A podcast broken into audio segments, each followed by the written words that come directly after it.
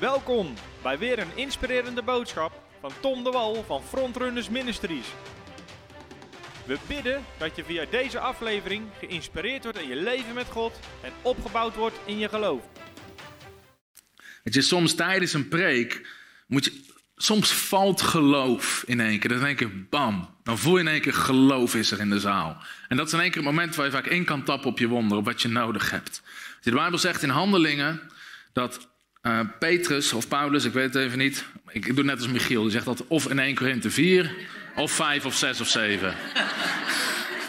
dus het was Petrus of Paulus. En Bijbel zegt, hij was aan het prediken. Het was Handelingen 14, dat weet ik wel.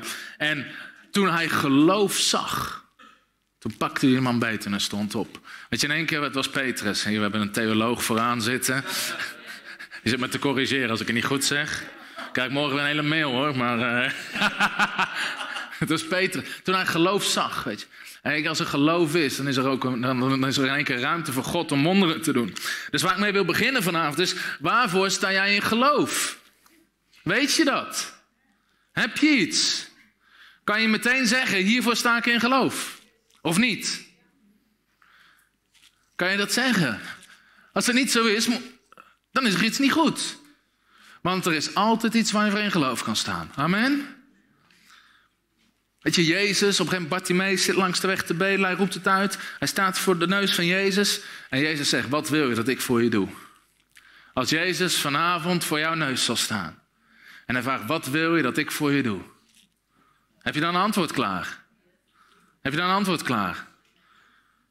Sommigen zitten dan, uh, uh, Dan moet je een antwoord klaar hebben. Dan moet je een antwoord klaar hebben. Ik sta altijd, sowieso met onze bediening, maar we staan altijd voor dingen in geloof. Mensen die ons kantoor hebben gezien, nou, een visiebord. Een visie van dingen die we nog niet hebben. Een hele rij waar we voor in geloof staan. Waar we voor in geloof staan. Je, wie, is de, wie is de ziek? Wie heeft de pijn in zijn lichaam? Uh, zwaai, hou je handen. Sta je in geloof voor een doorbraak? Sta je in geloof voor een doorbraak? Als je kinderen weg zijn bij de Heer, sta je, sta je actief in geloof voor een doorbraak? Als je het financieel moeilijk hebt, sta je actief actief in geloof voor een doorbraak. Als je een nieuw werk nodig hebt, wie heeft er een nieuwe baan nodig? En dan mensen een nieuwe baan. Amen. God gaat je zegenen met een nieuwe baan. Amen. Ervaar ik in de geest. God gaat je zegenen met een nieuwe baan. Maar sta actief in geloof. Ik zat ooit in een dienst en er komt een profeet van God en die, zegt, die geeft mij een servetje. Niels was erbij van. Hij zegt, schrijf alles op wat je van God wil dit jaar. Dus ik schrijf dingen op. Hij zegt, aan het eind van het jaar zal je het hebben. Aan het eind van het jaar had ik alles wat ik opgeschreven had. En ik baalde dat ik niet meer had opgeschreven. Amen. Amen. maar waarvoor sta je in geloof? Waarvoor sta ik? wel dat je iets voorneemt in je hart voor vanavond. Zo zit ik vaak te luisteren in dienst, want ik sta voor dingen in geloof. En soms door één zin, weet je, dat is mijn doorbraak, dat is mijn woord om aan vast te houden. Dat is mijn rema, waar pastor Arno over sprak gisteravond. Staat iedereen in geloof vanavond? heb je iets in je hart? Zeg, hey, hier wil ik God in zien werken. Want ik wil vanavond daarover spreken. En Paulus schrijft, uh, we moeten eigenlijk zien, ons geloof, je geloof is een spier. Een geloofspier. Heb je me al lekker getraind dit weekend? Ja? Want je geloof kan sterker worden. Paulus schrijft naar de Thessalonicenzen, en hoef je niet op te zoeken, maar 2 Thessalonicenzen 1 vers 3. Hij complimenteert die gemeente, want hij zegt: Ik heb gehoord dat jullie geloof buitengewoon sterk aan het groeien is. Wauw. Dat is een compliment. Als de apostel Paulus dat schrijft, we hebben het gehad donderdagavond over Jezus, die mensen complimenteerde vanwege hun grote geloof. Zo'n groot geloof heb ik in Israël nog niet gevonden. Dus ons geloof kan groeien en ons geloof kan sterker worden. Hebben we de afbeelding die bij mijn preek hoort toevallig? Hebben we die erop? Ja, super. En ik wil hierover spreken. Je mag even gaan naar 2 Koningen 2, vers 13. En ik wil een, een Bijbelse basis leggen. En dat wil ik kort doen. En daarna geloof ik echt, ik wil vooral getuigenissen gaan delen. Omdat getuigenissen bouwt geloof. En ik geloof dat God gaat spreken daardoor door sommige mensen. En God legde een tekst op mijn hart. Gisteravond in één keer wist ik, hé, hey, hier moet ik over spreken. Het, het probleem van een prediker is, er is zoveel op je hart om over te prediken. En de mensen willen voor twee uur s'nachts naar huis. Amen. Maar in één keer, dus je moet, altijd, je moet altijd kiezen. nou is God later in de hemel. Misschien mag je nog steeds prediken. Heb je alle tijd. Uh, eh, 2 Koningen 2 vers 13. In één keer wist ik, hier moet ik over spreken. En we gaan straks naar het Nieuwe Testament. Maar waar is de Heer, de God van Elia? Waar is de Heer, de God van Elia, de God van gebed, de God van wonderen en de God van geloof? In 2, Korin, 2 Koningen 2, vers 13, we gaan niet het hele verhaal lezen, maar Elisa is de opvolger van Elia. En hij gaat hem opvolgen, maar voordat hij hem op gaat volgen, moet hij hem dienen. En hij dient hem en hij krijgt een paar keer de kans om op te geven. En, um, maar hij blijft volhouden. En uiteindelijk, misschien ken je het verhaal wel, maar de profeet Elia die wordt opgenomen. Die krijgt een hemelse taxi van de Heer. Er zijn uh, samen met Henoch twee mensen die niet gestorven zijn. Um, um, die, die opgenomen werden. En dan valt zijn mantel valt op de grond, die blijft achter. En de mantel is een teken van de zalving, is een teken, is het kleed wat hij droeg. Jozef had een mantel met vele kleuren. En het was een mantel dat de vader van hem hield, een mantel van gunst. Een vriendin van Femke, die zat in de, in de zwaar gereformeerde kerk. En op een gegeven moment kreeg ze op de kop van de dominee, omdat ze een vrolijke jurk aan had. En ze zei, en Jozef dan? Die had een mantel met vele kleuren. Nou, dat mocht ze niet zeggen van de dominee. Uh, maar ik vond het een goed argument. maar, halleluja. En Elisa die pakt de mantel op, en dan gaan we even lezen in vers 13. En hij pakte de mantel van Elia, de zalving, die van hem afgevallen was, keerde terug en bleef aan de oever van de Jordaan staan. Hij nam de mantel van Elia, die van hem afgevallen was. Hij sloeg op het water en hij zei, waar is de Heere, de God van Elia? Ja, hij. Hij sloeg op het water en het werd door beide zijden verdeeld en Elisa ging erdoor. Nou, je mag even meegaan naar 1 Koning 17, dan gaan we even een paar dingen uithalen. Maar Elisa, die pakt die mantel op van Elia. En het interessante is, en dat is even een zijspoortje, maar hij vroeg om een dubbel deel. Ken je dat stuk? Hij vroeg om een dubbel deel. En als je het gaat bestuderen, heeft Elisa exact dubbel zoveel wonderen gedaan als de profeet Elia. Hij deed dubbel zoveel wonderen. Maar Elia had een reputatie dat God aan zijn kant stond dat zijn gebeden verhoord werden en dat God, God grote wonderen door zijn leven heen deed. En op het moment dat de mantel op wordt gepakt, roept hij uit, waar is de God, de God van Elia? Wauw, als wij eens zo'n reputatie zouden hebben. Dat mensen het uitroepen, jij bent de enige Bijbel die sommige mensen gaan lezen. Daar moeten we iets langer over nadenken. Jij bent de enige Bijbel die sommige mensen gaan lezen. Als mensen kijken naar jouw leven, zeggen ze dan: Waar is de God, de God van Jeroen?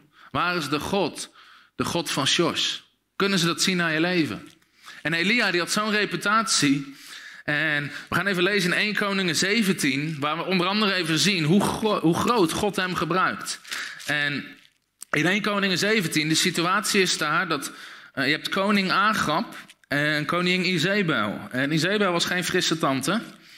En uh, ja, dat is de herziende Tom-vertaling. Ze was geen frisse tante. En, en was ook geen goede koning. En om die reden komt er oordeel over het land. En God gebruikt Elia. En er staat er in 1 Koningen 17 vers 1. En Elia de Tisbiet uit de inwoners van Gilead zei tegen Agab... Zo waar de Heere, de God van Israël, leeft, voor wiens aangezicht ik sta, er zal in deze jaren geen dauw of regen komen, behalve op mijn woord. Dus hij gaat naar die koning toe en eigenlijk kondigt hij een enorm probleem aan. Want hij zegt, totdat ik het zeg, zal het niet meer regenen. En ik denk dat die koning is, dacht je, dat zal wel. Toch?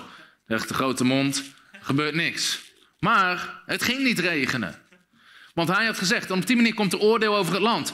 Alleen Elia, met zijn mooie profetie, had zichzelf ook een probleem geprofiteerd. Want als je zegt, hey, het gaat niet regenen, dat betekent dat er hongersnood komt. En dus hij had ook een hongersnood over zijn eigen leven geprofiteerd. En dan zegt God, um, in vers, vers 3, dan zegt God, ga van hier weg en ga naar de beek, de beek Krit, die aan de overzijde van de Jordaan stroomt. En het zal daar gebeuren dat ik de raven gebied om u te onderhouden. Je zal drinken uit de beek en de raven zullen je brood en vlees brengen. Hij had een hemelse McDrive. Hij hoefde er zelf niet eens doorheen te... Brood en vlees, broodjes hamburger. Gebracht door de raven. Weet je, raven hebben niet echt een reputatie normaal gesproken dat ze iets komen brengen, toch? Als je niet oppast, pakken ze het weg. Maar bij Elia kwamen ze het brengen. De raven, hij diende de God die de raven naar hem toestuurde om te voorzien. En vervolgens Op een gegeven moment die beek droogt op. En ik kan me voorstellen dat Elia die zit daar te bidden van... ja heer, weet je we hebben voorziening nodig, we hebben, we hebben voorspoed nodig. En dan zegt God, ga naar de stad. En dat zou logisch zijn... ik heb daar een rijke zakenman geboden om voor je te zorgen. Dat zou logisch zijn, toch? Heel veel voorgangers zitten te bidden... heer, stuur rijke zaken mensen naar mijn kerk, heer. En God zegt: Ga naar de stad. Ik heb daar een weduwe geboden om voor jou te zorgen. Het grappige was, de weduwe wist het zelf nog niet. Terwijl God zegt: Ik heb die weduwe gezegd dat, dat, dat ze voor jou gaat zorgen. En Elia komt eraan. En hij ziet die weduwe lopen. Hij vraagt om de maaltijd. Ik ga het even samenvatten. En uiteindelijk, ze gehoorzaamt in geloof. Ze geeft de maaltijd aan de profeet. En dan zegt de Bijbel, uh, want dit was de profetie. Zo zegt de Heere, de God van Israël. Het meel in de pot zal niet opraken. En in de kruik zal het aan olie niet ontbreken. Tot op de dag dat de Heere regen op de aardbodem zal geven. Dan zegt vers 16 van 1 Koningen 17. En het meel in de pot raakte niet op. En in de kruik ontbrak het niet aan olie. Overeenkomstig het woord van de Heer. Wauw. Het raakte niet op. Weet je wat ik zo mooi vind in dit verhaal? Door één gift aan God brak die weduwe uit totale armoede. En de Bijbel zegt, het raakte niet op. Weet je wat dat betekent? Iedere keer als ze eruit schepte, werd het weer aangevuld. In de Engels kan je het heel mooi zeggen, she was living from the top of the barrel. In één keer begon ze te leven van de top van het vat.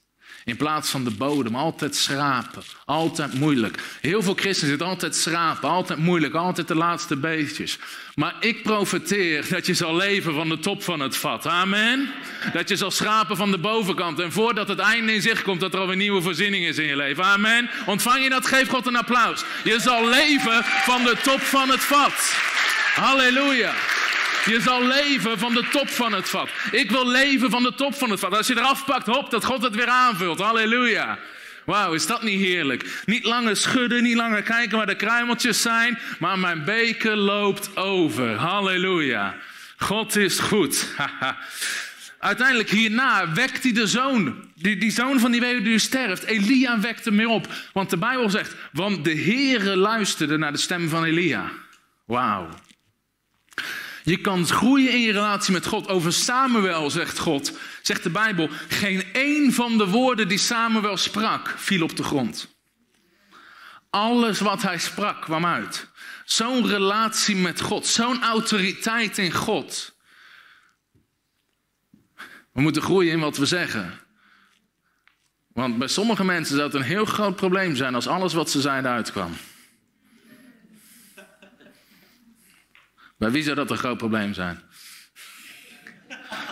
Ja, als we willen groeien in autoriteit. Als de Heer geen één van je woorden op de grond laat vallen. Nou, dan zou ik opletten wat je zegt hoor. Toch? Oh, ik schrok me dood. Poep, klaar.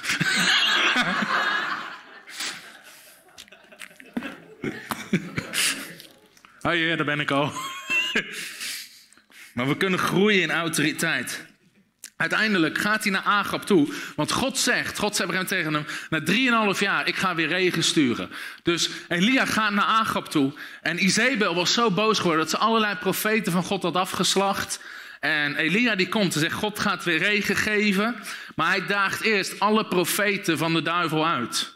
Van de tegenstander uit. En Bijbel zegt 850 profeten van de Baal, van Izebel, die kwamen op de berg Karmel. En uiteindelijk, ze gingen, ze gingen gewoon een wedstrijdje doen. Elia zegt, bouw een altaar. En, en weet je, bouw een altaar, maak een altaar klaar, leg er een offer op. Alleen je steekt hem niet aan. Want de ware God zal antwoorden met vuur. Dus hij bouwt een altaar en zij bouwen een altaar. En zij krijgen eerst de tijd om te bidden. En ze bidden en ze bidden en er gebeurt niks. Ze gaan zichzelf pijn en gaan allerlei rituelen om te zorgen dat er iets gebeurt. Maar Baal doet niks. En Elia begint het ook nog een beetje belachelijk te maken. Is hij op vakantie? Waar is hij heen? Uh, weet je, is hij met pensioen?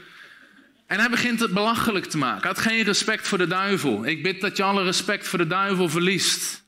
Ik bid dat je het verliest, dat je het kwijtraakt. Zo gesteld, oeh, de duivel, broer. Oeh, de duivel. Ja, de duivel geeft me hoofdpijn. De duivel geeft me geen hoofdpijn. Ik geef hem hoofdpijn. Amen. Je moet de duivel hoofdpijn geven, hij jou niet. Dat als je wakker wordt, dan denkt, oh nee, hij is weer wakker. Wat gaat hij doen? Wie gaat hij over Jezus vertellen? Hé, hey, wat gaat er gebeuren? Waar gaan ze nu weer iets doen? Amen. De laatste keer dat de duivel je hoofdpijn heeft gegeven, zal de allerlaatste keer zijn dat hij ooit hoofdpijn gegeven heeft. Vanaf deze dag geef jij hem hoofdpijn. Amen. Halleluja. Halleluja. En Elia, uiteindelijk, hij is aan de beurt. Hij zegt, ja jongens, eerst water erop. Hij laat ze eerst nog water op Hij maakt de situatie nog erger. En hij bidt tot God. En God antwoordt met vuur. God antwoordt met vuur. En de Heere is de God van Elia, die antwoordt met vuur. En Elia doet constant grote wonderen. En uiteindelijk, dit stukje gaan we heel even lezen, in um, 1 Koningen 18. Dit is mooi. 1 Koningen 18, vanaf vers 41. Hier zie je dat Elia handelt in geloof. Had een woord van God, het gaat weer regenen. En in zijn geest was het al een realiteit. Dat is als God spreekt. Als je geloof hebt in jouw geest, voor jou is het al gebeurd.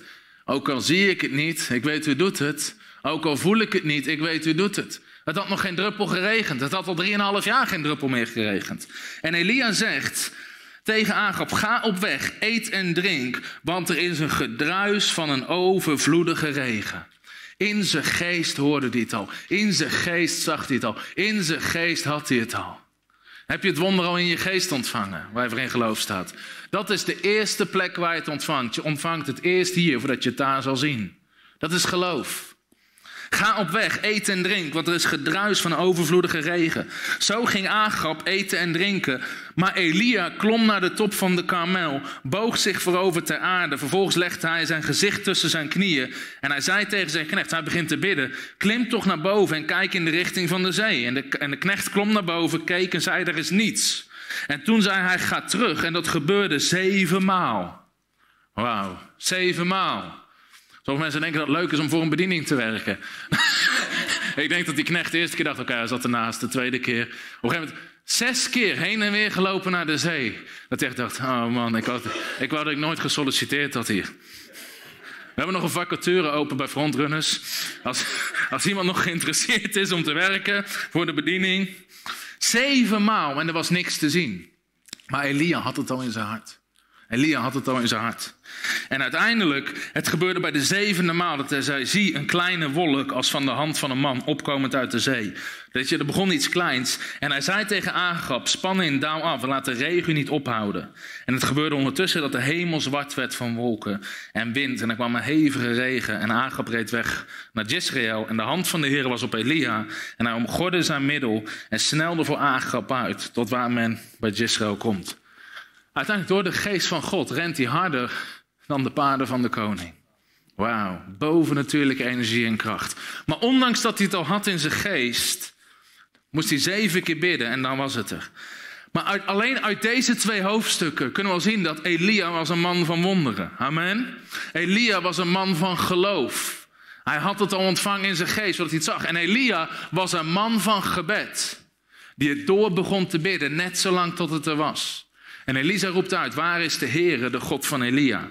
Nou mag je meegaan naar Jacobus hoofdstuk 5. En dit is wat het Nieuwe Testament zegt over Elia.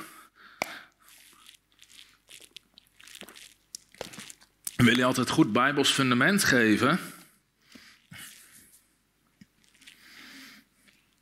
Jacobus 5 vanaf vers 16.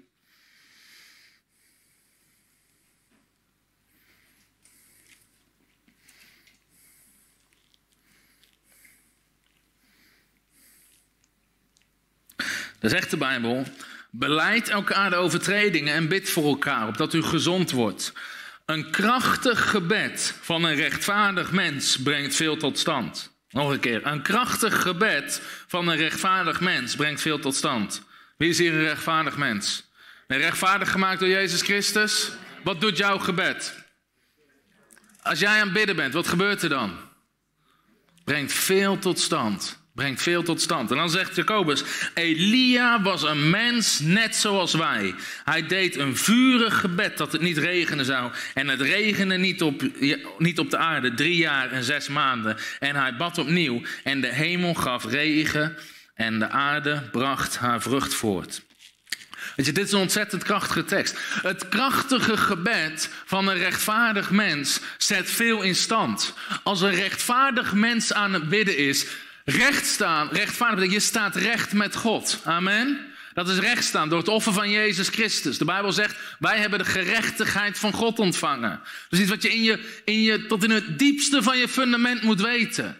Waarom? De duivel is een lelijke aanklager en die blijft je aanklagen. En een heel groot deel van de kerk heeft die lam liggen. Mensen zeggen, prijs God, ik ben een geredde zondaar. Hou op, je bent of gered of een zondaar. Maar een geredde zondaar is er niet meer. Je bent een nieuwe schepping. Die zondaar is weg. Je bent gered, gerechtvaardigd, geheiligd en je staat recht met God. Amen. Dus we moeten stoppen met geredde zondaars en ach, weet je, wij armen, ah, klein en moeilijk, hoe je zwaar, heer, dat we tot niet tot last zijn. Bla. Hou ermee op, kap ermee. Stop met klein denken. Als er één boodschap is die de kerk moet krijgen, ik ken mijn klein hoekje. Weet je, kom uit je kleine hoekje. Wat doe je in dat kleine hoekje? Jezus zei: ga uit in de hele wereld en predik het evangelie. En deze tekenen zullen de gelovigen volgen. Ze zullen demonen uitdrijven. Ze zullen in tongentaal spreken. Ze zullen zieken genezen. Ze zullen doden opwekken. Jezus zei: Ik ga naar de hemel en ga zitten in een klein hoekje en wacht totdat ik terugkom. Wat doen we in een klein hoekje? Kom uit je kleine hoekje. Nee, ik ben niet waardig, broer. Ik ben niet waard. Je staat recht met God. Je bent rechtvaardig gemaakt. Amen. Je hebt de gerechtigheid van God ontvangen, zegt de Bijbel. En het gebed van een rechtvaardige, iemand die recht staat met God, kan samenwerken met God. Amen. God is op zoek naar mensen om mee samen te werken. En jouw gebed brengt veel tot stand. Amen. Zeg eens, mijn gebed, brengt veel tot stand. Mijn gebed, brengt veel tot stand. Als jij bidt voor dingen, gebeuren dingen. Amen. We moeten stoppen met allerlei onzin in de kerk. Ja, gebed verandert, gebed verandert de situatie niet, maar het verandert ons. Alsjeblieft, man. Man, man, man, man. Er worden zoveel domme dingen verteld die de kerk klein houden. Maar jouw gebed verandert de situatie. Elia was een mens, net zoals jij en ik. Als je leest over Elia die vuur uit de hemel roept, die de profeten van de vijand verslaat, die zegt: Op mijn woord zal het niet regenen. Waar God boven natuurlijk voorziet, door de raven en door de weduwe. Dat is jouw God. Amen. Waar is de Heere God van Elia? Dat is jouw God. Zeg, dat is mijn God. Dat is mijn God. Je moet weten wie je God is. Amen. Je moet weten wie je God is. We dienen een grote God. En de bedoeling van God is dat ons gebed krachtig is en effectief is. Nou, wanneer is ons gebed krachtig en effectief? Dat zijn de laatste twee teksten die ik hierover wil lezen. Mag je even opzoeken. Marcus hoofdstuk 11, onze geloofstekst.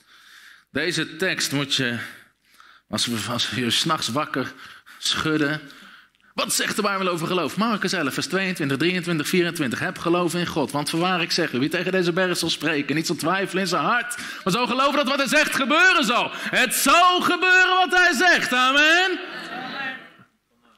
Halleluja. We moeten een beetje porrie krijgen in onze geest. We moeten het woord van God in ons hebben. Halleluja. Marcus 11, vers 22. En Jezus antwoordde en zei tegen hen, wat zei Jezus? Heb geloof in God. Heb geloof in God. Andere vertaling zegt, heb het geloof van God. Want voorwaar, ik zeg u, wie tegen deze berg zal zeggen, wordt opgeheven en in de zee geworpen en niet zal twijfelen in zijn hart, maar zal geloven dat wat hij zegt gebeuren zal, het zal gebeuren wat hij zegt.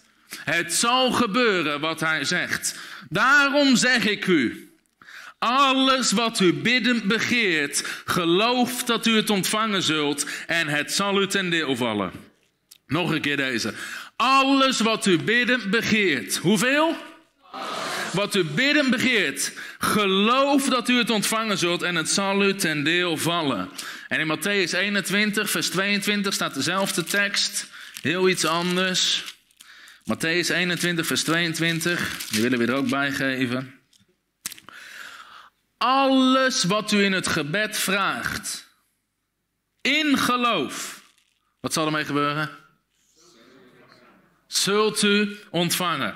Alles wat u in het gebed vraagt, in geloof. De manier om krachtig te bidden, om situaties te veranderen, is dit soort gebed. Ik vind het jammer dat Jezus niet meer de gemiddelde gebedscursus geeft in de kerk. Want Jezus zegt, alles waarvoor je bidt, geloof dat je het ontvangen zult en je zal het hebben. Wie gelooft dat de Bijbel waar is? Dus geloof je deze tekst? Amen. Zegt of je probeert het woord van God te veranderen. Weet je, toen ik op theologie zat, zei de leraar: Nee, dit is niet letterlijk. Ik geloof jou niet letterlijk. Ik geloof Jezus wel letterlijk. Amen.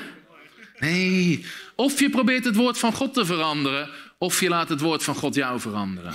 Alles wat je bidt in geloof zal je ontvangen. Dit noemen we het gebed van geloof. Het gebed van geloof. Het gebed van geloof kan nooit een als bevatten. Ik ga het nog een keer zeggen. Het gebed van geloof kan nooit een als bevatten. Heel veel christenen bidden, tante Beb is ziek. Heer, we bidden dat u tante Beb geneest, als het uw wil is. Amen. En er gebeurt helemaal niks. Waarom niet? De boodschap van donderdagavond terugluisteren. Geloof is een zekerheid. Hebreeën 11 vers 1. Geloof is de zekerheid van wat we nog niet zien. Als je het zeker weet, hoef je geen als te zeggen. Toch? Geloof begint waar de wil van God bekend is. Geloof begint waar de wil van God bekend is. Als jij weet wat de wil van God is, namelijk dat Jezus stierf aan het kruis voor onze genezing, dat hij in iedereen wil genezen, leg handen op zieken en ze zullen genezen, hoef je niet te vragen, Heer, als het uw wil is. Want dan weet je de wil van God, toch?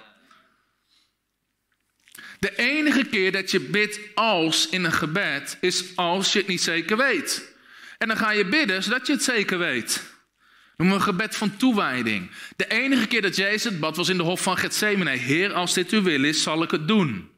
Dus je denkt, hey, God heeft mij misschien geroepen naar China als zendeling. Dan moet je bidden, Heer, als dit uw wil is, zal ik het doen. Laat me uw wil zien. Maar als God op een gegeven moment tot je spreekt door een aantal profeten of tot jou in je gebedstijd, hey, ik roep je als zendeling naar China, dan moet je niet blijven bidden, Heer, als het uw wil is, want je weet de wil van God al. Toch? Als het goed is, komt er heel weinig als voor in je gebed. Als het goed is, komt er heel weinig als voor. Weet je waarom? Wat zeggen als het uw wil is? In Jezus' naam. Weet je wat in Jezus' naam betekent? Namens Jezus. Namens Jezus. Ik was op een, het is een heel simpel voorbeeld. Ik was in Portugal op een hele grote conferentie met 15.000 mensen. En ik was daar uitgenodigd en ik wilde daar rondlopen door het gebouw om wat te bekijken. En weet je, tussen 15.000 mensen, niemand kende mij voor het eerst in Portugal. Ik wilde ergens kijken en ik was uitgenodigd door die, door die hoogste leider. En ik wilde ergens kijken en de security hield me tegen. Ze zei, dit, is, dit, is, dit is niet, uh, hier heb je geen toegang. Ik kon alleen maar zeggen, joh, ik ben hier op uitnodiging van die en die. Sorry, sorry. En ik kon meteen doorlopen. Ik zei, ik ben hier namens, weet je, ik noemde de leider. En meteen was, oh sorry, je kunt doorlopen. Ik was daar namens die leider. Weet je, als Jezus zegt, bid in mijn naam, genees de zieke in mijn naam. Als je bidt voor een zieke, zeg je, namens Jezus Christus, wees gezond. Dus aan het eind van het gebed zeg je, namens Jezus. En dan moet je wel weten wat hij wil, toch? Je kan in Nederland kan je stemmen voor iemand anders. Moet je paspoort hebben en dan, en, en dan kan je voor iemand anders stemmen. Moet je weten waar die ander op wil stemmen. Dan kan je namens iemand stemmen. En met het gebed van het geloof werkt het ook zo. Dus er kan geen als voorkomen in je gebed. Maar je gebed is een zekerheid. Jezus zegt alles, alles. We gaan er nog een keer lezen. Marcus 11, vers 24. We willen deze in onze geest hebben. Deze ga je niet meer vergeten na deze conferentie. Iedereen zegt alles. Hoeveel? Alles. Marcus 11, vers 24. Alles wat u bidden begeert, geloof dat u het ontvangen zult en het zal u ten deel vallen. Het zal u ten deel vallen. Wanneer geloof je? Wanneer, wanneer sta je in geloof? Als je het hebt of als je bidt? Als je bidt. Jezus zegt, alles wat je vraagt in gebed, in geloof, dat zul je ontvangen. Het geloven komt voor het ontvangen. Dat betekent als je ergens voor bidt, wanneer geloof je dat je het ontvangen hebt? Op het moment dat je bidt. Als je het nog niet ziet, als je het nog niet voelt, als je het niet hoort, dan geloof je al dat je het hebt. Als je het al hebt, heb je geen geloof meer nodig. Toch? Toch? Of zeg ik nou, spreek ik nou buitenaardse taal? Als je het toch al hebt, ik hoef niet te bidden voor een stoel, ik heb hem al, daar heb ik geen geloof voor nodig. Als ik een stoel nodig zou hebben, zeg Heer, ik bid voor een stoel. Op dat moment geloof je, Heer, dank u wel dat ik hem ontvang. Want Jezus zegt, op het moment dat je bidt, geloof je dat je het ontvangen zult. Dan zal je het hebben. Alles wat u vraagt, Matthäus 21, in geloof zult u ontvangen. Dus je vraagt het al, je ontvangt het al in geloof. Dit is een verhaal van Smith Wigglesworth. Die kennen jullie Smith Wigglesworth? Een rauwe, wie kent hem niet? Ah, oh, heel veel mensen kennen hem niet. Smith Wigglesworth, man, je moet die verhalen lezen. Een rauwe geloofsheld. Wie wil het verhaal van de begrafenis nog een keer horen? Er is een verhaal dat Smith Wigglesworth, op een gegeven moment ligt er iemand opgebaard. Familie, et cetera, achter glazen deuren. Smith Wigglesworth loopt er langs en wil die man opwekken uit de dood. Want Matthäus 10 vers 8, Jezus zegt, wek doden op. Weet je, Jezus wekt de doden op, in het boek Handelingen wekt doden op. Dus Smith Wigglesworth loopt er naar binnen, zegt tegen niemand iets, doet die glazen deur open en al die familie, iedereen staat te kijken. Hij pakt diegene uit de kist. Iedereen zit te kijken. En hij zet hem tegen de muur. Dat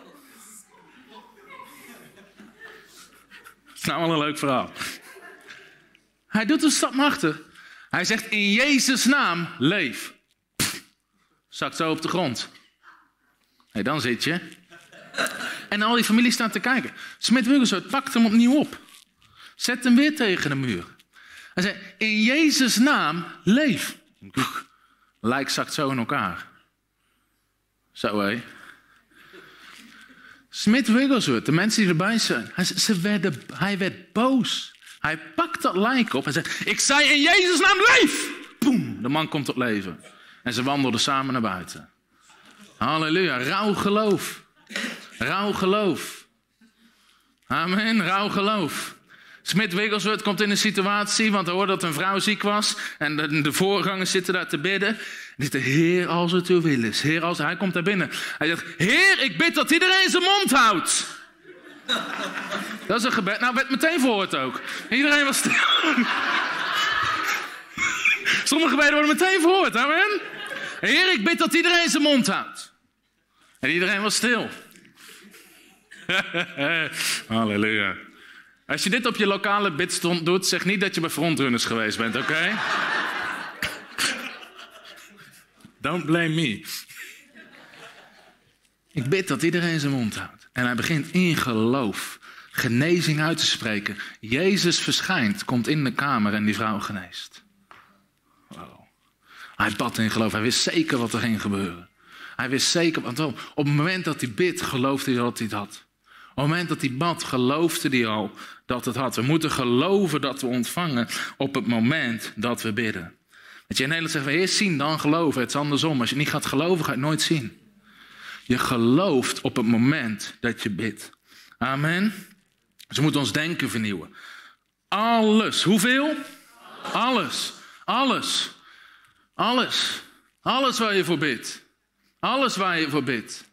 Alles waar je voor bidt zal je krijgen. Toen ik tot geloof kwam, zei mijn mensen, ja, maar God is geen Sinterklaas, hè? God is geen Sinterklaas. Nee, ben ik achtergekomen. Hij is veel knapper. Hij komt niet één keer per jaar met een cadeau. Zijn gunstbewijs zijn goed iedere morgen. Hij is veel beter dan Sinterklaas. Hij heeft ook geen zwarte piet, hij heeft engelen. Amen. Er is nog nooit een racisme discussie over geweest, over engelen. Het zijn allemaal lichtengelen, oké? Ze hebben ook geen roet, ze kunnen gewoon door de muur heen. Halleluja. ja, die hebben de gaaf om door de schoorsteen te gaan zonder zwart te worden. Mensen zeggen, ja, God is Sinterklaas niet, hij is veel beter. Alles waar je voor bidt zal je ontvangen. Toen ik nog thuis woonde, sommigen kennen dit verhaal. Ik had een mountainbike. Eh, mijn broer die had die mountainbike geleend om naar zijn vriendin te gaan. En, en die werd gestolen. Dus hij belde mij op en zegt: Tom, het spijt me zo. Ik had hem op slot staan. Het slot is doorgeknipt. Maar je, mountainbike is gestolen. En mijn ouders zeiden: Oh, wat erg. Ik zei: Maakt niet uit. Ik was net tot geloof. Ik zeg: Ik ga bidden voor een nieuwe. Iedereen lacht hem uit. God geeft je geen fiets. God geeft je geen fiets. Nou, mij wel. Amen. Jou niet, jij gelooft het niet. Als je niet gelooft, zou je het nooit zien. Amen. Ik ging naar boven, naar mijn kamer. Ik, denk, de duivel heeft mijn fiets gestolen. Ja, die persoon werd niet geleid door de Heilige Geest, hoor, die mijn fiets heeft gehad. Dus dat is altijd van de duivel. De duivel is een dief, zegt de Bijbel. Dus ik ga naar mijn kamer. Ik zeg, duivel, ik gebied je om mijn fiets terug te geven in de naam van Jezus. Heer, ik bid voor een fiets. Ik geloof dat ik het ontvang. En ik dank u ervoor. Amen. Amen. Hoe weet je dat God wil is om een fiets te geven? Omdat hij een goede vader is. Amen. Amen. Mensen lachten hem uit. Maar mijn familie dachten, ja, God, God geeft je heus geen fiets. Twee weken later kom ik bij de kerk. Er stopt iemand en zegt, hey, ben je aan het bidden voor een fiets? Ik zeg, ja, dat klopt. Hij doet zijn bus open, haalt er een nieuwe mountainbike uit. Halleluja. Halleluja, ik kreeg een nieuwe mountainbike. Ja, geef God een applaus. De gezichten van de mensen die het eerst niet geloofden. Jou niet, mij wel. Waarom? Alles waar je voor bidt. Alles waar je voor bidt. Alles waar je voor bidt. Weet je, geloof is als een mosterdzaad. Je moet het inzetten en groeien. Ik, vertelde, ik begon God te vertrouwen. Voor, toen ik jeugdleider was. En, en ik, ik zat op HBO. Ik had geen tijd voor een bijbaantje. Dat ik geen ik, ik had geen tijd meer voor een bijbaantje. Dus ik ging God vertrouwen voor mijn voorziening. Op een gegeven moment moest ik kleren kopen, maar ik had geen geld. En ik had drie spijkerbroeken nodig en twee shirts en een jas, zoiets. Dus ik ging voor mijn kledingkast staan. Ik zei, heer, ik bid voor drie spijkerbroeken, twee t-shirts en een jas. Ik geloof dat ik het ontvangen zal. En ik dank u. Amen. In geloof. Op dat moment, bij mijn moeder op te werk, komt een nieuwe collega. En op een moment, haar, haar, man had een hele goede baan en haar kinderen waren net zo oud als ons. En die waren nogal verwend. Dus die vrouw die ging naar de stad, kocht voor honderden euro's kleding, kwam naar huis. Die kinderen mochten uitkiezen wat ze mooi vinden. En ze waren te lui om het rest terug te brengen naar de winkel. Dus ze vraagt mijn moeder: hey, heb jij niet kinderen in dezelfde leeftijd? Dus moeder zegt ja. Oh, hier mag je dit hebben. En mijn moeder kwam met tassen vol thuis. En altijd precies waar ik voor bad. Van het moment, van dat moment tot het moment dat ik uit huis ga, heb ik nooit kleren hoeven kopen. Iedere keer kwam de kleding, ging zij winkelen. Iemand anders ging voor mij winkelen. Amen. Halleluja. Ik hoefde er niet eens uit. Een soort Zalando, ik heb nooit iets terug hoeven sturen. Halleluja. Alles waar je voor bidt. In geloof. Geloof dat je het ontvangen zult. En wat? Je zult het hebben. Jan Sjoerd Pasterkamp beschrijft in zijn boek dat in Papua-Nieuw-Guinea, waar die zendeling was, mensen, mensen wisten daar niks over de Bijbel. Soms is het een zegen als mensen geen religieuze achtergrond hebben. Dat mensen je nog niet verteld hebben wat God wel doet en niet doet volgens hun. Amen. Soms zit er zoveel religie in ons. Ik sprak in Zwitserland op een conferentie een paar jaar terug en ik had gezegd, we gaan een genezingsdienst doen. En die mensen die namen honden mee en katten mee en dachten, ja, gaat genezen, mijn kat is ziek, mijn hond is ziek.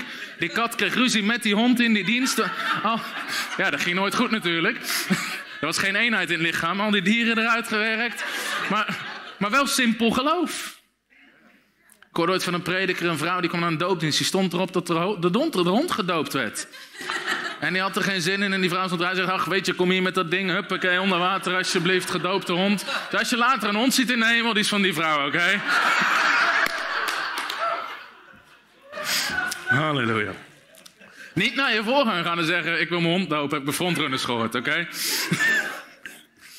Maar Jan Sjoerd vertelde, er komt een man tot geloof, weet helemaal niks, komt uit een heidense achtergrond, komt naar de Bijbelstudie, leest die tekst. Alles wat je bidt, Geloof dat je het ontvangen zult en je zal het hebben. En die man, je kan het verhaal Jan Sjoerd zijn boek lezen. Maandenlang leefde die zo. Jan Sjoerd schrijft op een gegeven moment, ze waren onderweg. Ze kregen een lekker band met hun jeep. Die man loopt naar buiten. Die zegt, heer, ik bid dat u de band maakt. Hij stapt weer in en rijdt verder.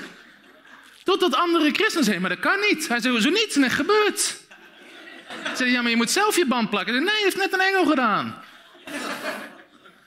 Alles waar hij voor bad gebeurde. Totdat christen begonnen te vertellen dat het niet kon. Totdat mensen begonnen, maar dat kan helemaal niet. En God wil, hallo, God bemoeit zich niet met een band. Dat is religie. Wie heeft wel dat soort domme dingen gehoord? Nee, dat is onbelangrijk voor God. Dat is onbelangrijk voor God. Dat is onzin, dat is religie. Amen. God is beter dan Sinterklaas. Halleluja. Alles waar je voor bidt. Geloof dat je het ontvangen zult en je zal het hebben. Ik hoop iets los te maken. Maar bij wie bij wie wordt er ooit losgeschud? Ik kan je getuigenis na getuigenis. Wie wil er meer getuigenis horen? Bouwt dit je geloof? Kleine dingen, grote dingen. Toen ik jeugdleider was op een gegeven moment... we gingen met heel de jeugdgroep uit eten... en ik zat bij iemand achterin. Ik denk, wacht, ik heb helemaal geen geld om uit eten te gaan. ik zit op de achterbank, zeg niet, zeg heer... Zeg ik, heb geld nodig om uit eten te gaan. We zullen uit eten. Het kan toch niet zijn dat de jeugdleider als enige achter moet omdat hij geen geld heeft. Gewoon inderdaad, zeg heer, ik bid op dit moment voor het geld. Met dat ik bid, krijg ik een sms'je van de auto die voor ons rijdt met de jeugdgroep. Hé, hey, we zaten hier na te denken, we hebben het op je hart om je eten te betalen. Halleluja. Alles waar je voor bidt in geloof, geloof dat je het ontvangen zult. Amen. En een, een les hierin is, als je kijkt naar de bediening van Elia, hou nooit je ogen op mensen om te kijken wat wonder vandaan komt. De Bijbel zegt, hou je ogen gericht op Jezus. Bij Elia, de raven brachten hem te eten. De weduwe zorgde ervoor. Het is altijd een valkuil om je ogen op mensen te houden. Als je aan het bidden bent, dat je in een bid stond. Als je weet, van, hey, ik heb een financiële nood, maar deze broeder die zit er goed bij in zijn knip. Die zegt, oh, dat je ernaast gaat zitten in bid stond. Oh Heer, Heer, ik bid deze maand, Heer. Heer, we hebben nog 500 euro. Wil je met me instemmen, broer? 500 euro. Broer, broer, broer, broer, broer, broer. Oh, hey. Halleluja. Dat is niet de bedoeling, amen. Voor sommige predikers is Facebook hun platform. Uh, maar ja, uh, soms zie je wie weet waar we een auto kunnen kopen? Ja, bij de garage, gefeliciteerd. weet je, eigenlijk bedoelen ze, wie wil er een auto voor ons kopen? Maar hinten, hintjes geven. Voor de predik ziet echt niet snappen, bij de garage. Amen, net als de rest van Nederland. Je krijgt hem niet bij de Albert Heijn, ook al ben je een prediker. Amen. Maar hou je ogen nooit op mensen. Hou je ogen nooit op mensen. Ik heb je verteld over George Muller, hè? Weet je nog wie George Muller was? Een man in Bristol, simpele man. Maar kreeg het op zijn hart om voor weeskinderen te zorgen. En hij nam weeskinderen in zijn eigen huis. En op een gegeven moment was zijn huis vol. Hij kocht het huis van de buurman in geloof. En hij bad voor het geld en hij kreeg het geld. Aan het eind van zijn leven was er 750 miljoen door zijn handen gegaan. Je zou zijn autobiografie eens moeten lezen. Soms hadden ze een nood van duizenden, honderdduizenden euro's, omgerekend in deze tijd. Hij was altijd aan bidden. En hij zag op God. En in zijn autobiografie schrijft hij: Ik zie op de oneindige rijken. Ik zie op de oneindige rijken. Ze hadden een regel, ze mochten nooit iemand erom vragen. Ze zouden alleen maar aan God vragen. We vragen alleen maar aan God en we bidden. Op een gegeven moment, ik heb zo'n autobiografie, ik was zwaar onder de indruk. En weet je, op een gegeven moment zorgt hij voor 2500 weeskinderen en hebben ze 16 miljoen euro nodig per jaar om te onderhouden. En ze vroegen nooit iets aan niemand. Gewoon bidden. En overal kwamen mensen vandaan. Broer, ik het hart om dit te geven. Ik heb het hart om dit. Op een gegeven moment geven, mensen geven hem miljoenen. Miljoenen. Allemaal door gebed. Allemaal door gebed. Vol vuur voor de Heer. Vol vuur voor de Heer. Als je zijn autobiografie leest, ik las een stuk, op een gegeven moment was hij in de negentig. En hij was altijd aan het werk met die weeskinderen. Dat mensen zeiden, want joh, broer, u moet een keer op vakantie, 90 jaar oud. U zou een keer op vakantie moeten gaan. Wacht hij niet ooit aan, was zo vol. Dus we zei, joh, weet je, ga naar die lieve broeders toe aan de andere kant van het land. Kom daar, weet je, ga even in hun boerderij, kom daar tot rust. En ze beschrijven dat broeder Moele, die komt aan, die zet zijn spullen op bed heeft een half uur op bed gelegen, loopt naar beneden en zegt: Hoe kan ik hier de Heer dienen? Half uur uitgerust, halleluja. Na 50 jaar bediening. Hij zegt: Hoe kan ik hier de Heer dienen? En dan begonnen meteen campagnes en mensen tot Jezus te leiden. Amen. Vuur van God en zijn botten. Er is één verhaal. Als het gaat om bidden en geloof. Dat uit honderden weeskinderen. Op een moment is het tijd om te ontbijten. Maar er is helemaal niks. Ze hebben geen geld, ze hebben geen brood, ze hebben helemaal niks. Hij roept alle weeskinderen. Hij zegt: Kom, we gaan eten. We gaan eten. In natuurlijke was er niks, maar hier had hij het. Hij had het in zijn hart. Hij roept al die kinderen, zegt, kom we gaan eten. Hij zet ze aan tafel en die kinderen denken, waar is het eten? En, bro en broeder Moeder die bidt, heren, we danken u voor het eten en we zegenen het. Er staat helemaal niks. In de naam van Jezus. En met dat hij het zegt, wordt er op de deur geklopt. De bakker. Die bakker zegt, Vannacht om twee uur werd ik wakker en God sprak om een begin brood te bakken voor broeder Moeller. Want een brood is op. Dus die bakker die komt allemaal brood brengen. En op dus het brood staat op tafel. Dus broeder moeilijk, maar ze hebben nog geen melk. Je wil, ook iets drinken erbij, amen. Droog brood is niet lekker. Dus broeder Moeder die bidt, vader, we zegenen het eten. Ja, en we geloven voor een hele maaltijd. Wordt weer op de deur geklopt, de melkboer. Zegt, joh, ik reed hier langs, mijn kar is in de weg geraakt, het wiel is kapot, het zat vol met melk. Maar als alles op staat, kan ik het niet repareren. Wilt u alle melk hebben? Hij zegt, ja, bedankt. En, en karren vol met melk worden naar binnen gedragen. Alles waar je voor bidt, in geloof. Geloof dat ontvangen zult en je zal het. Als dat jouw God is, geef hem een applaus. Halleluja. Halleluja. Ha, halleluja. Halleluja. Halleluja. Hou je ogen niet gericht op mensen. Zeg eens tegen je buurman of je buurvrouw. Kijk niet naar mensen. Kijk naar God. Kijk naar God. Kijk naar God. Ik hoorde dit verhaal. Dit is een prachtig verhaal. Halleluja. Ik hou van getuigenissen. Michiel zei, we de tekst aan. Ze hebben de duivel overwonnen. Het woord van hun getuigenis. Amen. Het is belangrijk om te getuigen van de grote daden van God. Ik hoorde dit verhaal van een familie die al die van generatie op generatie in bediening zat. Allemaal evangelisten. En op een gegeven moment hadden ze het erover. Wat is nou het grootste wonder wat je hebt meegemaakt? En, en die, oma in die familie, inmiddels 82 jaar, die vertelt het verhaal. Ze zegt, joh, opa en ik, we waren net nieuw in de stad in bediening. En weet je, we waren net begonnen, we hadden nog geen financiën, we hadden er een huis. En op een gegeven moment, het geld was op en het eten was op. En die man die was op weg en zij zitten en ze, hebben, en ze moet eten. En voor de kinderen, ze hadden drie kinderen. Maar ze heeft geen geld, ze heeft geen eten. Wat doe je dan? Bidden en geloven, amen. Bidden en geloven. Dus ze gaat, ze schrijft, ik ging op de bank zitten en ik bad. Heer, dank u wel voor het eten. Waarom? Je hebt het al ontvangen in je hart. Dank u wel voor het eten. En ik dank u voor een maaltijd voor mij en mijn kinderen. En ze doet haar ogen open en ze kijkt uit het raam. En over de heuvel komen 22 kippen aanlopen. En die kippen, die ziet ze aankomen en die loopt bij haar over het pad, linksaf, gaan op de rij in de schuur zitten en leggen allemaal een ei. Echt waar.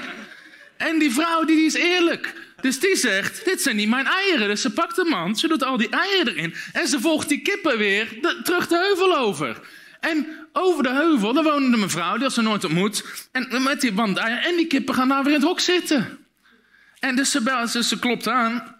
En zegt mevrouw, uh, ik, heb, ik, heb hier, ik heb hier 22 eieren. Uw kippen lopen over de, over de heuvel en die komen uitbrengen. En die vrouw zegt, dat is onmogelijk. We hebben die kippen al heel lang. Ze hebben nog nooit één ei gelegd. Mijn man haat die kippen. Halleluja. Je dient een God die kippen naar je toe kan sturen. Die raven naar je toe kan sturen. Die voorziet in alles wat je nodig hebt. Amen. Halleluja. Halleluja. Ze beschrijft zolang ze daar woonden. Kwamen één keer in de zoveel tijd die kippen naar beneden. In de schuur zitten. En legde iedere keer eieren. Halleluja. Op een gegeven moment zijn ze verhuisd. En ze schreef later kwam ik die vrouw die daar woonde nog tegen op een begrafenis van iemand anders. En die vrouw zei: Vanaf de dag dat jullie verhuisd zijn, zijn die kippen geen één keer meer naar beneden gekomen om eieren te leggen. Alleen toen jullie er woonden. Amen. Je hebt een God die voor je voorziet. Halleluja. Woe. We hebben een God die kippen naar je stuurt. Wie wil de kippen thuis? Halleluja. De kippen komen. Zeg eens de kippen komen. De raven komen. Halleluja. Kan je het geluid van hun vleugels al horen? Hoor je ze flapperen zoals Elia hoorde het gedruis van regen? Op het moment dat je bidt, hoor je het al. Op het moment dat je bidt, dan weet je al. Je weet dat je weet dat je weet dat je weet. Het is nog niet te zien, maar je weet het al. Halleluja. Halleluja. Zeg eens halleluja. Halleluja. God van wonderen. Je bent een God van wonderen. halleluja. De overbuurman heeft kippen. Ze zijn hier nooit geweest, hè, kort. Halleluja. Maar ze komen eraan. Amen. Halleluja. Alles is mogelijk voor degene die gelooft. Alles is mogelijk. Voor God is niks te groot. Voor God is niks te klein. Amen. Moet stoppen met religieus zijn. Filippenzen 4 vers 19. Mag je even opzoeken. Weet je, dit is ook zo'n geloofs, zo'n geloofskanon. Heb je van die geloofskanonteksten in je leven? Anders moet je ze zoeken. Filippenzen 4. Filippenzen 4. Halleluja. Halleluja. Woe, zend de kippen heer. Moeten we nummer Zend de kippen heer. Filippenzen 4 vers 19. Maar mijn God zal u overeenkomstig wat? Zijn rijkdom. Overeenkomstig je baan? Nee toch? Overeenkomstig de erfenis van ome Sjaak, waar Michiel het over had? Nee, overeenkomstig wie zijn rijkdom? Zijn rijkdom voorzien van alles wat u nodig hebt. Alles wat u nodig hebt. Alles wat u... God wil voorzien in alles. In alles. Niks is te groot, niks is te klein. Hij wil voorzien. Toen Femke en ik, met hadden we, hadden we, volgens mij waren we, ik weet niet of we getrouwd waren. Wel of, nee, denk het nog niet. Op een gegeven moment, we waren samen en mijn vrouw wilde een dag gaan shoppen. Want ze is een vrouw. Amen. Er is een grap in het Engels. Die is heel leuk. Zal ik hem maken? Dus het gaat over shoppen met je vrouw. Ik doe hem in het Engels, want hij kan alleen in het Engels, oké? Since we have a credit card, we have a lot of signs and wonders. My wife signs and I wonder. Dat is een grapje, oké? Ik heb een hele lieve vrouw. En ze heeft een kledingbudget, hebben we afgesproken. Ja, dat, kan, is goed om duidelijk afspraken te maken. Heb je nooit een discussie. Amen. Amen, dat was jouw woord voor deze conferentie. Halleluja. Ja. In geloof ontvangt u het. maar ik, ik heb moeten leren shoppen met mijn vrouw. En ik kan er nog steeds niet. Wie nog meer? Weet je, we liepen door de stad en zegt mijn vrouw... Weet je, oh, dat is een mooie jurk. Ja, dat is een mooie jurk. Liep ik gewoon door. En op het eind van de dag... Ze zei, ja, we zijn in geen één winkel naar binnen geweest. Ik zei, nee, je hebt nergens gezegd dat je naar binnen wilde. Ja, maar ze zei toch, dat was een leuke jurk? Ik ja, maar dat is iets anders als ik wil naar binnen. Amen. Dan heb je een woord van wijsheid nodig. Om, maar, maar je moet duidelijke afspraken maken. Dus nu weet ik als ze zegt, hé, hey, dat is een leuke jurk. Zeg, oh schat, zullen we kijken? Halleluja. Maar we hadden een relatie. En nogmaals, ik was jeugdleider Femke de Bijbelschool in Engeland. En wilden een dagje gaan shoppen. Maar we hadden geen... Weet je, shoppen kost geld. We hadden geen geld. En um, we balen ervoor. Heer, we willen gewoon een dagje naar de stad toe. Iets eten, iets leuks kopen. Dus je wil God daarin voorzien. Ja, alles. Kom, zeg eens alles. Alles. Halleluja. Dus we baden gewoon voor. En we hadden gepland, we gingen naar Breda toe.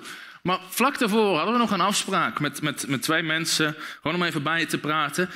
En uit het niks zei, hey, we waren voor jullie aan het bidden. En God zei, pak het contante geld en geef het aan ze. Dus in een envelop kregen we iets van 150 euro om mee naar de stad te gaan. Halleluja.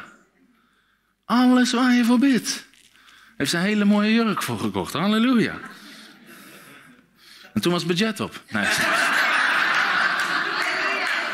Halleluja, roept hij.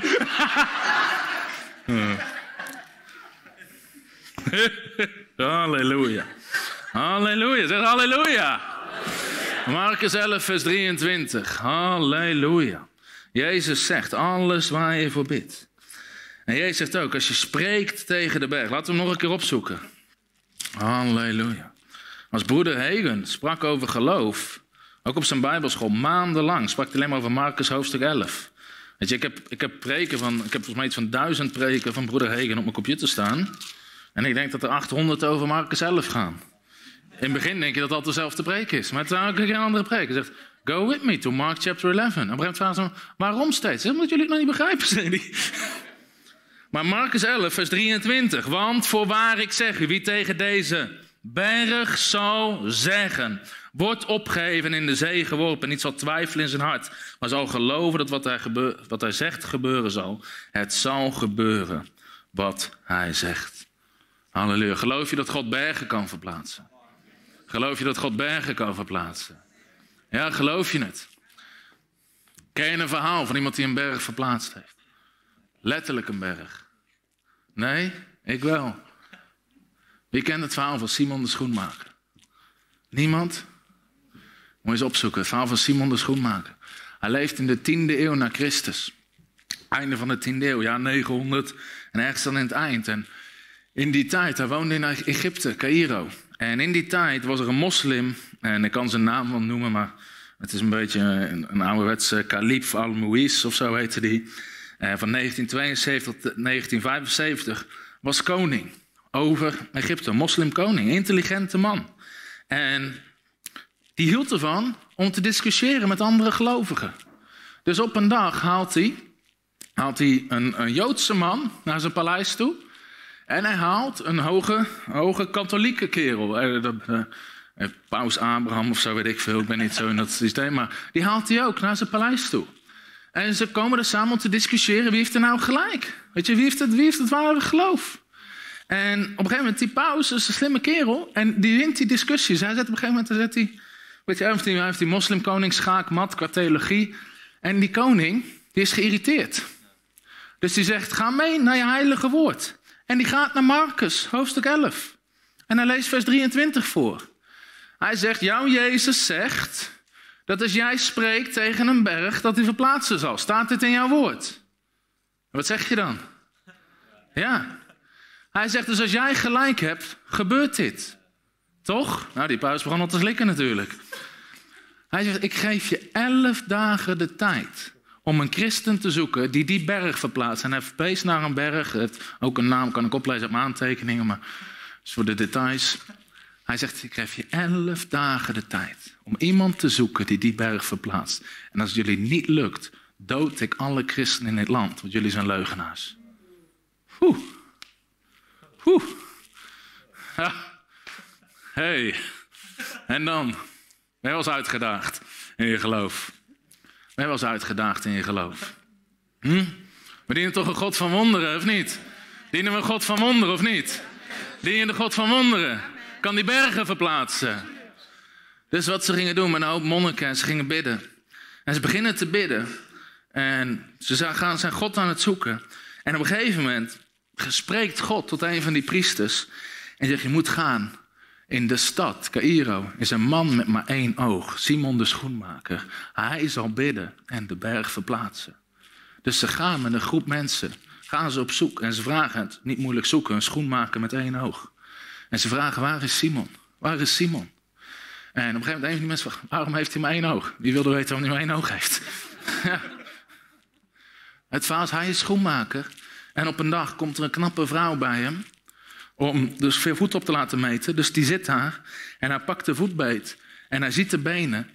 En hij merkt, ik heb met lust in mijn ogen gekeken. En Jezus zegt, als iemand met lust in zijn ogen kijkt. Het is beter. Ken je de tekst, Matthäus 5? om met één oog in de hemel te komen, dus één oog eruit te halen, dan met twee ogen naar het verderf. En die man gelooft in het woord, letterlijk. Die loopt naar zijn werkplaats en haalt een van zijn ogen eruit. Daarom was het Simon met één oog. Hij gelooft het letterlijk. Hij gelooft het letterlijk. Dus vraag, waar is Simon? Waar is Simon? Dus ze halen hem op en ze zeggen, de berg moet verplaatst worden. En met die groep gaan ze naar die berg toe. En die moslimkoning die staat daar. De Joodse man staat daar. En ze wisten, we hebben één kans. Als het niet lukt, slacht hij alle christenen in Egypte af. En Simon, die gaat zitten op zijn knieën. Die begint te bidden tot God. En de hele berg begint te schudden, te beven en te bewegen. En die moslimkoning valt op zijn knieën, neemt Jezus Christus aan en is de rest van zijn leven christen geweest. Halleluja. We dienen een God die bergen verplaatst, die bergen beweegt. Halleluja. Halleluja. Alles. Zeg eens alles. Alles wat je bidt. En je gelooft het, dat je het ontvangen zult, je zal het hebben. We dienen een God van wonderen. We dienen een God van wonderen. Halleluja. Hoe zit het met jouw wonder? Geloof je dat je het ontvangen gaat? Geloof je dat je het al hebt? Voel je het al? Hoor je al het geluid van regen voor jouw wonder? Zie je je kinderen al terug bij de Heer? Zie je ze al dienen? Zie je ze al worship in de samenkomst? Zie je ze al getuigen van Christus? Halleluja. Als je ziek bent, zie je het lichaamsdeel alweer doen. Halleluja. Als je een nood hebt, zie je jezelf alweer leven in overvloed. Halleluja. Zie je jezelf weer op vakantie gaan. Zie je je vrouw alweer meenemen uit eten. Zeg je, hé schat, we kunnen het betalen. Halleluja.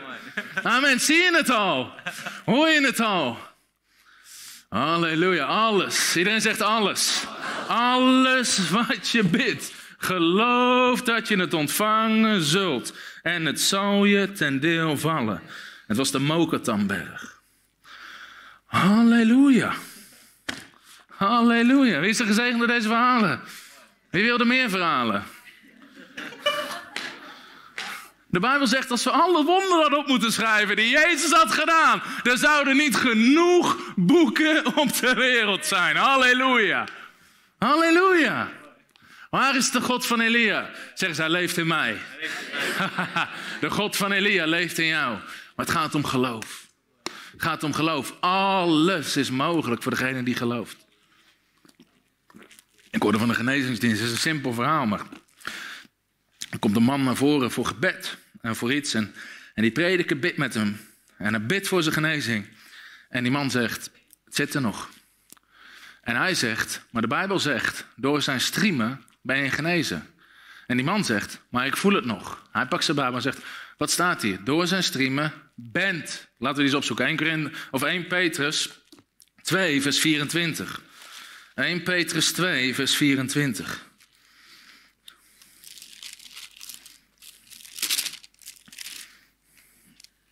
...1 Petrus 2, vers 24. Het zegt over Jezus, die zelf onze zonde in zijn lichaam gedragen heeft op het hout, opdat wij voor de zonde dood, voor de gerechtigheid zouden leven. Door zijn striemen, wat staat er? Bent u genezen. Is dat al gebeurd?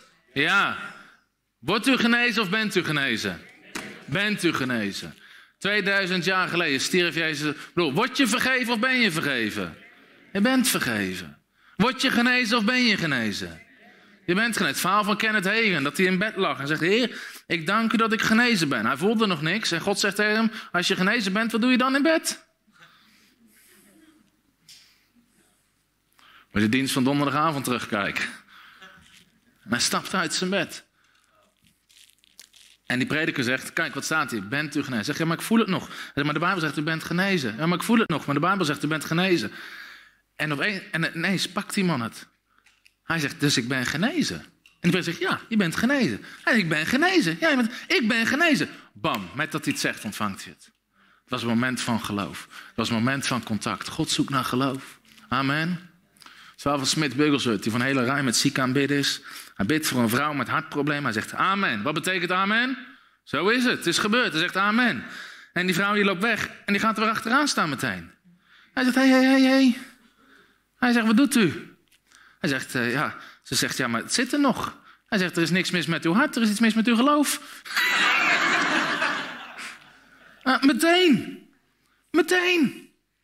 Meteen weer achteraan. Er is niks mis met je hart, soms is er iets mis met je geloof. Amen. Halleluja. Halleluja. Alles waar je voor bidt, geloof dat je het ontvangen zult. En je zal het ontvangen. Halleluja. Geloof je God voor een wonder? Heb je het ontvangen? Is het gebeurd? Weet je, we vechten vanuit overwinning. We vechten vanuit overwinning. We hebben gezongen, Jezus overwinnaar. We vechten vanuit overwinning betekent niet dat je geen strijd hebt.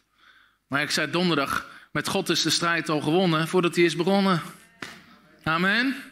Met God is de strijd al gewonnen voordat hij is begonnen. Amen, zeg dat eens. Met God is de strijd al gewonnen. Voordat hij is begonnen. Halleluja. Halleluja. Mijn God zal voorzien. Wie heeft er hier financieel wonder nodig? Zijn er mensen die financieel wonder nodig hebben? Ja, een aantal. Hier wordt er opgebouwd door deze getuigenissen van geloof. Een van de mooiste getuigenissen die ik heb gehoord op dit. Deze is echt hilarisch. Wie wilde nog een getuigenis horen? Een van de getuigenissen die ik hoorde was van een voorganger in Kentucky, Amerika. En uh, deze is mooi. Oh, schitterend. Hij, zijn kerk groeide, dus op een gegeven moment uit zijn gebouw gegroeid. Dus ik hou van die Amerikanen, die beginnen gewoon meteen met bouwen. Weet je wel, ik was met Jeroen in Amerika aan het preken. En op een gegeven moment Weet je, ze, waren het vol, ze zaten nog in dit gebouw, ze zijn de volgende lagen, de fundamentstenen lagen, al zijn ze aan het bouwen. Halleluja, soms moeten we groter denken, amen. Ja, dat is Amerikaans. Nee, dat is evangelisch. Halleluja. Groot denken is niet Amerikaans, dat is Jezus. Amen. In de kerk had alles wat een beetje groot. Oh, dat is Amerikaans. En toen kwam hier een reporter binnen voor, voor omroepen. Eerst wat hij zegt, oeh, het is Amerikaans. Ik zei, nee, ze zijn gewoon in Nederland. Dat is helemaal niet Amerikaans. Niet alles is Amerikaans. It's not American, bro. Halleluja. Dus hij bouwt die kerk. Hij begint te bouwen aan die kerk. Kostte, was rond 1960 in die tijd. Omgerekend miljoenen. Miljoenen. En hij zit in zijn nieuwe kerkgebouw. En nog steeds die openstaande rekening van een paar miljoen. In geloof had hij het gedaan. Hij heeft ook voorziening nodig. Amen. Dus hij vertrouwt God voor zijn voorziening. Hij bidt God voor zijn voorziening. En voor de doorbraak gaat hij 21 dagen. Dus hij ging gewoon bidden en vasten. Dus ik ga bidden en vasten zodat ik een doorbraak heb. Op een gegeven moment is hij 21 dagen aan het bidden en vasten. Hij heeft wel eens 21 dagen niet gegeten. Twee mensen. Misschien was hier iemand op deze stoel. Die probeerde het 21 dagen. Die is er niet meer. Vandaar die lege stoelen. Die mensen waren aan het vasten voor de conferentie. Hebben het net niet gehaald. Jammer.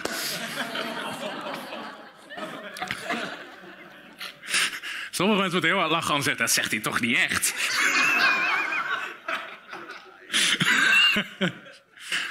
Halleluja. We hebben zoveel preken gehad dat ik achteraf zei, ja, deze we niet op YouTube. Halleluja.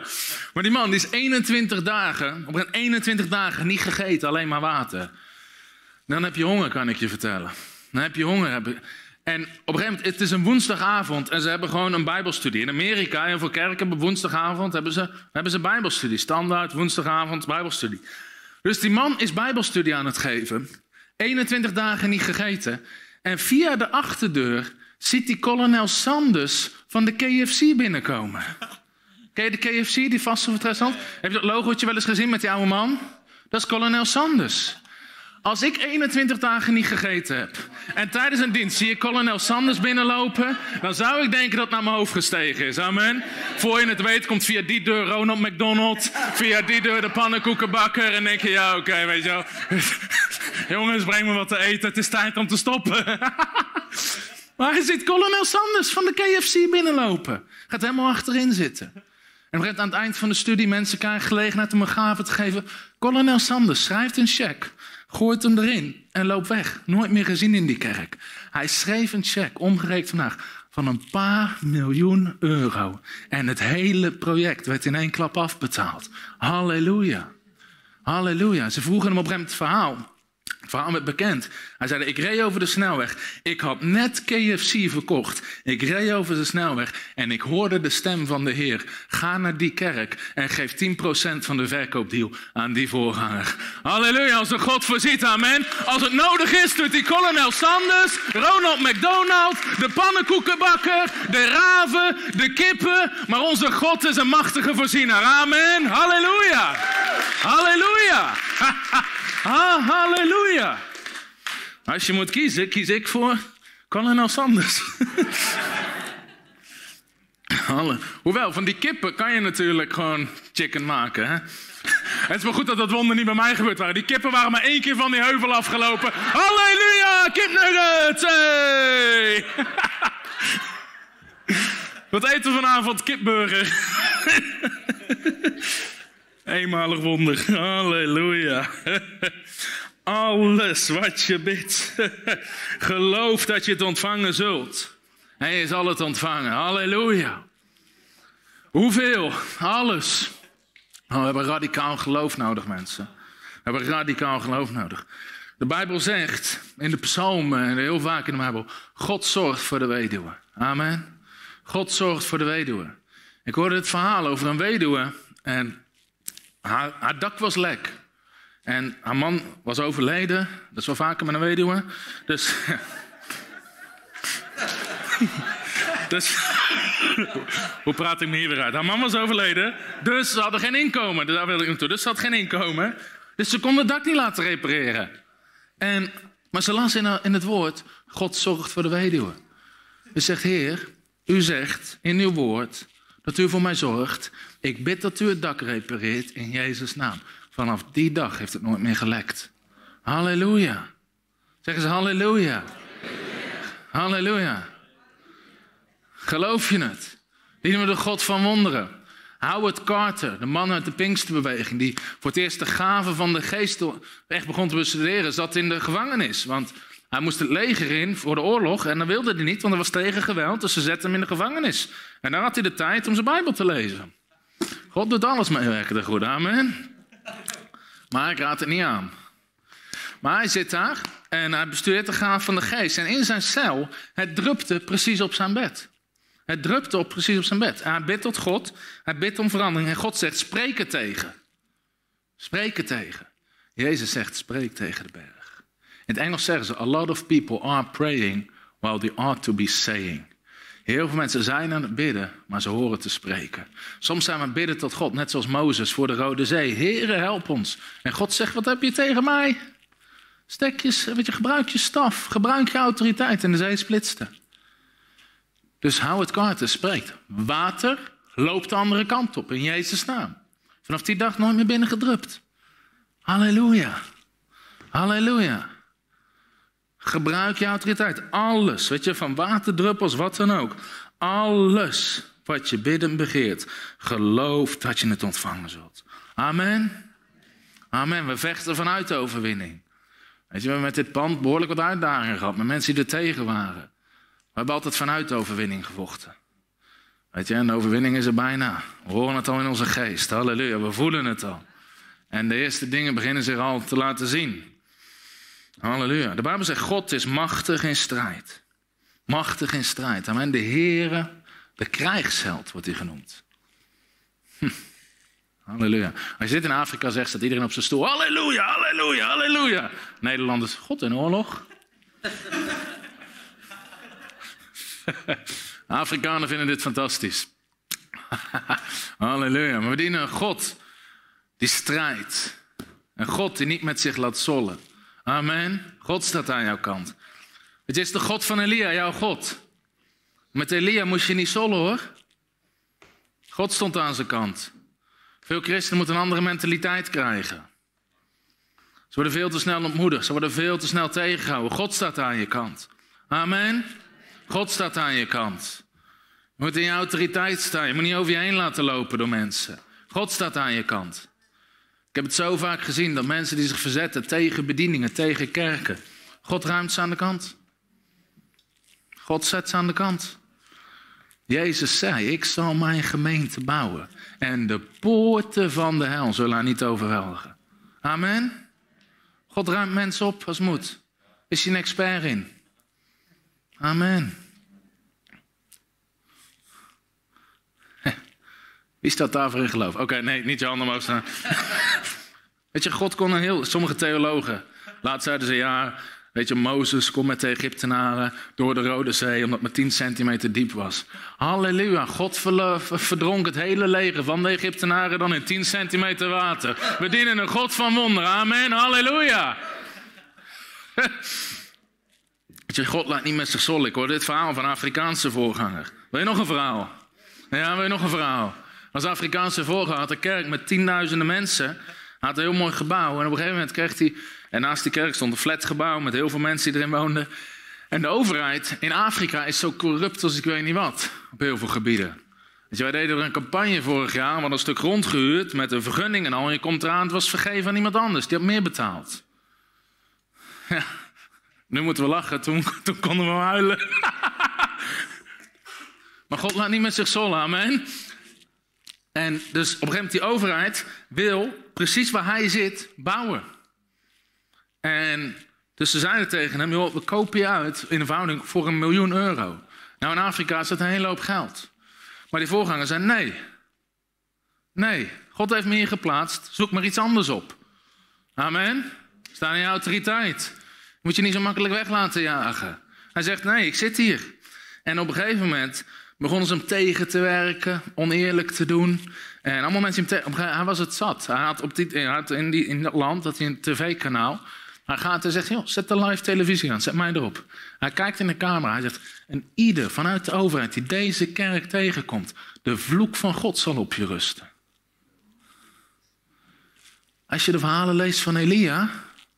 was ook geen lieve jongen altijd. Ik zeg niet dat je dit moet doen, ik vertel je gewoon een verhaal, oké? Je mag zelf kiezen welke kant je kiest. je moet niet over je heen laten lopen. En alleen maar tegenslagen bij de overheid. Alles wat ze probeerden mislukte. Tot ze zeiden, hé hey jongens, dit gaan we niet doen. Dit gaan we niet doen. Dus ze stopten. Dus ze nog maar één optie. Ze wilden daar grond. Dus ze besloten om het hele flatgebouw neer te halen en iedereen daaruit te kopen. Maar iedereen in die flat had hij tot Jezus geleid. Dus ze moesten die mensen uitkopen. De tiende van die mensen waarvoor ze uitgekocht waren, waren meer dan een miljoen euro. Halleluja, die ging naar de kerk. Er zat en meer dan een miljoen en hij zat nog steeds waar hij zat. Halleluja. Amen, is dat geen verhaal? Ik vind dat een mooi verhaal. Hij zit daar nog steeds en heeft meer dan een miljoen. We zijn meer dan overwinnaar. Amen. Amen, halleluja. Alles waarvoor je bidt. De God van Elia. Waar is de Heer, de God van Elia? Ben je uitgedaagd om groter te bidden? Efeze 3, vers 20. God doet boven bidden. God doet boven denken. Amen. Halleluja. Halleluja. Ik, ik heb nog zoveel voorbeelden.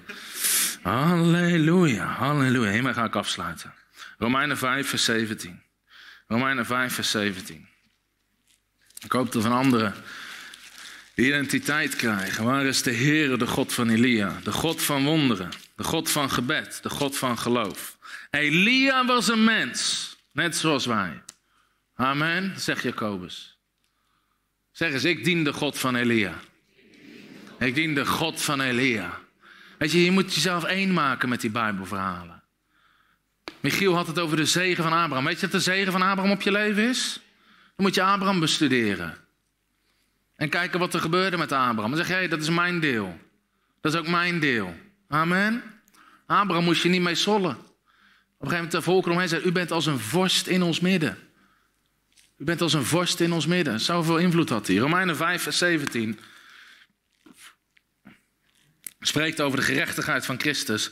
En ik zal even de context ook schetsen terwijl ik het lees. Want als door de overtreding van de ene, Adam, de dood geregeerd heeft, spreekt over Adam, um, veel meer zullen zij, dat zijn wij, die de overvloed van genade. Heeft Michiel het over gehad? Heb je een overvloed van genade ontvangen? Ja, toch? In Jezus Christus een overvloed van genade. Niet net genoeg, meer dan genoeg. Een overvloed van genade en de gave van gerechtigheid ontvangen. Heb je de gave van gerechtigheid ontvangen? Amen. Wat ga je dan doen? In dit leven regeren door die ene, Jezus Christus. De Engelse vertaling zegt, they shall reign as kings through Jesus Christ. Jij bent bestemd om te regeren. Je bent bestemd voor heerschappij. En dat betekent niet domineren, dat betekent niet aardig zijn tegen mensen. Maar het eerste wat God deed bij de mensen. Ik zegen je en ik geef je heerschappij. Heers over de aarde. Adam en Eva waren gemaakt als kinderen van God om te heersen over de aarde. Om het land te besturen. En de Bijbel zegt, door Jezus Christus hebben we genade ontvangen en gerechtigheid. En wat is het gevolg? Wat staat er in je Bijbel? Voor sommigen is het de eerste keer dat ze dit horen. Dat is echt waar. Want in de kerk wordt, nee, je bent niks. Je bent, je bent een koning. Je bent een koningskind. We zijn koningen en priesters, zegt de Bijbel. Hij is de koning der koningen. Hij is de grote koning, jij bent de kleine koning. We bent wel een koning. Amen. Regeer in je leven. Regeer in je leven. Regeer over omstandigheden. Regeer over bergen. Regeer over ziekte. Regeer over ellende. komt nog niet aan, hè, mensen. Jawel. Zeg eens, ik ben gemaakt om te regeren. Je bent gemaakt om te regeren. Hoorde een verhaal van een man in Friesland. En ik ken hem. En op een gegeven moment had dit gehoord. Ik ben gemaakt om te regeren. Ik heb heerschappij. Ik kan spreken. En in de auto terug zit hij daarop te mediteren. Ik regeer als een koning. En terwijl hij daar staat voor het stoplicht op een gegeven moment stil. En naast zich ziet hij een zwerver lopen.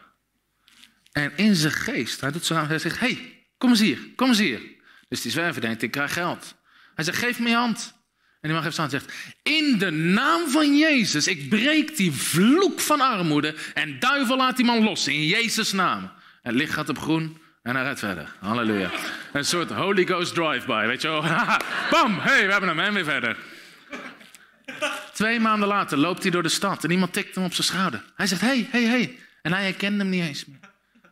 Hij zegt, wie bent u? Hij zegt, twee maanden terug liep ik langs het stoplicht. En jij pakte in één keer mijn hand en je bad voor me. Vanaf dat moment is alles omgekeerd. Ik kreeg een baan aangeboden, een huis aangeboden. Mijn gezin is hersteld. Halleluja, je bent gemaakt om te regeren. Halleluja. Je bent gemaakt om dingen mooi te maken. God zet tegen mij van maak de hof mooi. Je bent gemaakt om dingen mooi te maken. Je bent gemaakt om te regeren. Halleluja. Halleluja. Halleluja. Omstandigheden regeren niet langer over jou. Jij regeert over omstandigheden. Jij regeert over omstandigheden. Ja, broer, wacht af hoe het gaat. Je wacht niet langer af hoe het gaat. Jij bepaalt hoe het gaat. Jij bepaalt hoe het gaat door je geloof. Door je geloof, door je autoriteit. Door je autoriteit. Amen. Halleluja. Hallo, Tom de Wol hier en bedankt dat je weer geluisterd hebt naar onze podcast. Ik bid dat het je geloof gebouwd heeft en je bemoedigd bent. Als je niet alleen een luisteraar van onze boodschap wil zijn, maar ook een verspreider daarvan, wil ik je uitnodigen om partner te worden van Frontrunners. Door jouw maandelijkse donatie help je ons om dit evangelie van Jezus Christus en het woord van God over heel de aarde te brengen. Om partner te worden, ga naar www.frontrunnersministries.nl slash partners en word partner. Hartelijk bedankt en tot snel. Heb je ook zo genoten van deze inspirerende boodschap van Tom de Wal? Abonneer je dan op deze podcast. Volg ons op Facebook en op Instagram en kijk op onze website frontrunnersministries.nl.